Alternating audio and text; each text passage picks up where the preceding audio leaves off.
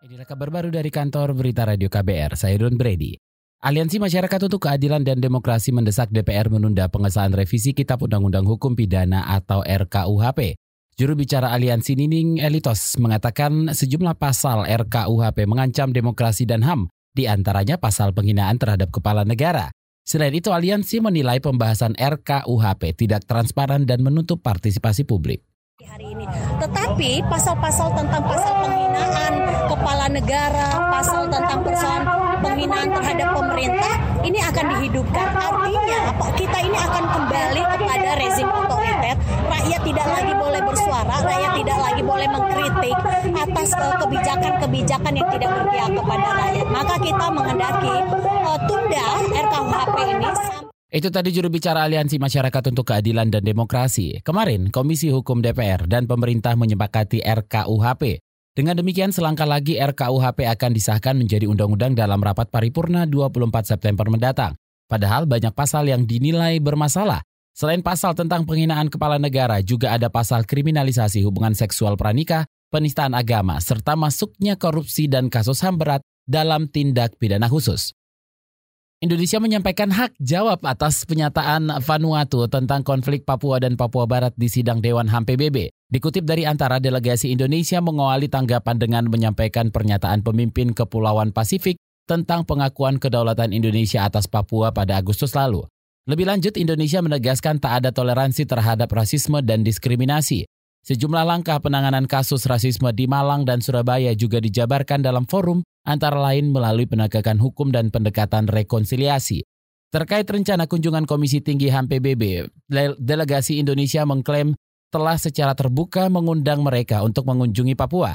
Pemerintah Indonesia menyebut tengah berkoordinasi dengan perwakilan Komisi Tinggi HAM PBB di Bangkok untuk melaksanakan kunjungan sesuai jadwal yang disepakati bersama. Saudara Menteri Agraria dan Tata Ruang Sofian Jalil optimis penyederhanaan perizinan melalui Omnibus Law mampu meningkatkan bisnis properti dan investasi. Untuk diketahui, Minibus Law merupakan upaya merevisi sejumlah undang-undang sekaligus dan menggabungkannya dalam satu rancangan peraturan. Sofian mengatakan kebijakan deregulasi ini akan menyehatkan iklim investasi. Karena seperti Anda ketahui, investasi kita masih tidak terlalu menarik dalam iklim dalam persaingan global sekarang. Yang beberapa kabinet sampaikan 31 perusahaan keluar dari China, tidak ada satupun ke Indonesia. Dan menunjukkan ada sesuatu yang salah di kita. Maka itu yang akan sedang dicari oleh pemerintah solusinya. Itu tadi Menteri Agraria Sofian Jalil Saudara, saat ini pemerintah tengah merancang Omnibus Law untuk perizinan dan investasi.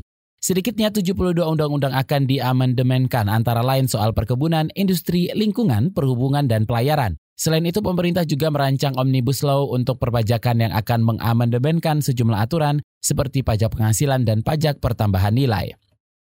Kementerian Keuangan menggenjot digitalisasi lelang lewat portal lelang.go.id yang telah diresmikan tahun lalu. Proses lelang digital ini bertujuan memudahkan masyarakat untuk bertransaksi. Direktur Lelang Ditjen Kekayaan Negara Kemenkeu Lukman Effendi menargetkan capaian pokok lelang tahun ini mencapai 27 triliun rupiah untuk meningkat hampir 10 triliun dibanding tahun lalu. Nah dari angka uh, nilai bersih lelang tadi, kalau kita bilang pokok lelang tadi, kita kita menghasilkan penerimaan negara dalamnya. Jumlahnya 300,5 miliar itu penerimaan negaranya.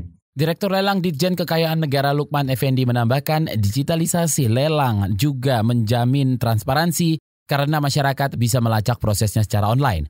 Kata dia, portal lelang juga telah diperbaiki agar bisa semenarik aplikasi perdagangan elektronik seperti Lazada dan Bukalapak. Demikian kabar baru dari kantor Berita Radio KBR. Saya Don Brady.